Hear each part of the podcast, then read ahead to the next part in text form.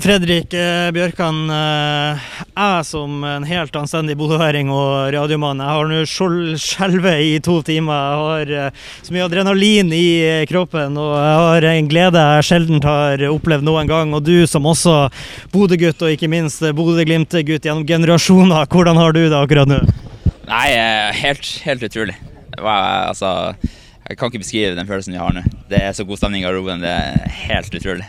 Altså, Seriemester 2020. Bodø-Glimt har hatt en del andreplasser, de har hatt noe cupgull, men de har jo strengt tatt aldri vært i nærheten av det. Hvordan er det å være med på det her?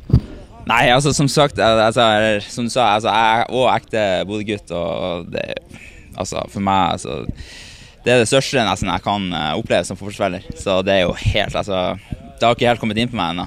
Selv om vi har ligget godt an lenge, så akkurat det her, wow. Ja, og det, du, du sier det er god stemning i garderoben. Hvordan blir feiringa utover kvelden her i dag? Nei, eh, jeg er faktisk helt sikker. Eh, Får se om klubben har eh, planlagt noe, men Nei, akkurat nå så er det bare ekstase. Jeg vet faktisk ikke hva som skjer engang. Kjapt om kampen i dag.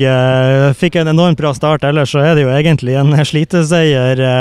Hvordan, hvor vanskelig var det å holde fokus gjennom 90 minutter når man visste hvordan man lå an? Nei, jeg vet ikke helt om det var fokuset som glapp, men uh, det, prestasjonen i dag var jo ikke som sagt helt, uh, helt der vi ønska å være. Men uh, nei, akkurat nå så er det bare glede, så jeg, jeg klarer ikke å tenke på det engang. Nei, Jeg er helt enig med deg, og du skal få fortsette feiringa. Takk for det. Gratulerer som seriemester, Fredrik. Tusen takk.